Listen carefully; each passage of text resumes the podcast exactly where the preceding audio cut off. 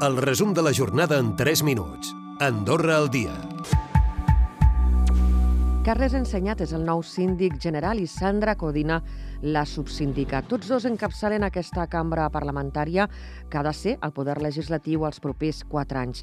Ensenyat ha parlat d'ambició de construir en els pròxims quatre anys un Consell encara més obert a la gent.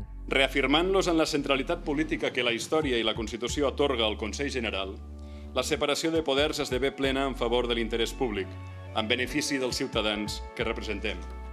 I els mitjans de comunicació allà reunits després de la sessió han volgut copsar l'opinió dels diferents protagonistes doncs, a aquest discurs. Escoltarem a Xavier Espot, Cerny Escalé, Judit Salazar i Karim Montaner.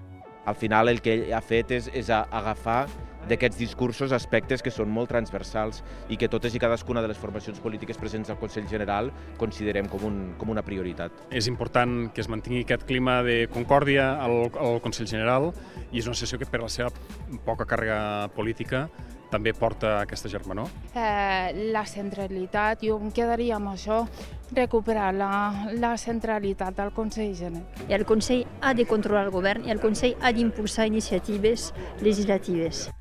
I, naturalment, hem d'aprofitar la presència d'Espot per conèixer doncs, el tema de la formació del proper executiu. No tanquen la porta en un futur als liberals al govern. Vull seguir comptant i el conjunt del grup parlamentari demòcrata voldrà seguir comptant també amb la col·laboració i la mà estesa cap al senyor Víctor Pinto si, si passa a ser conseller general i, i tampoc descartem la, la, la, la possibilitat doncs, que ara o més endavant doncs, puguem trobar confluències també a nivell governamental, no? però, però en tot cas, eh, de moment les coses estan com estan.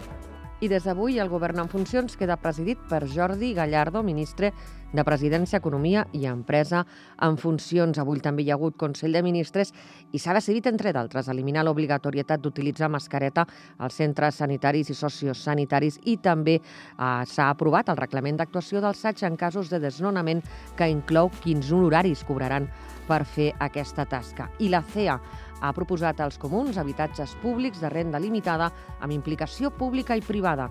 És una proposta doncs, que arriba a un 5% del parc immobiliari i podria suposar 1.300 unitats.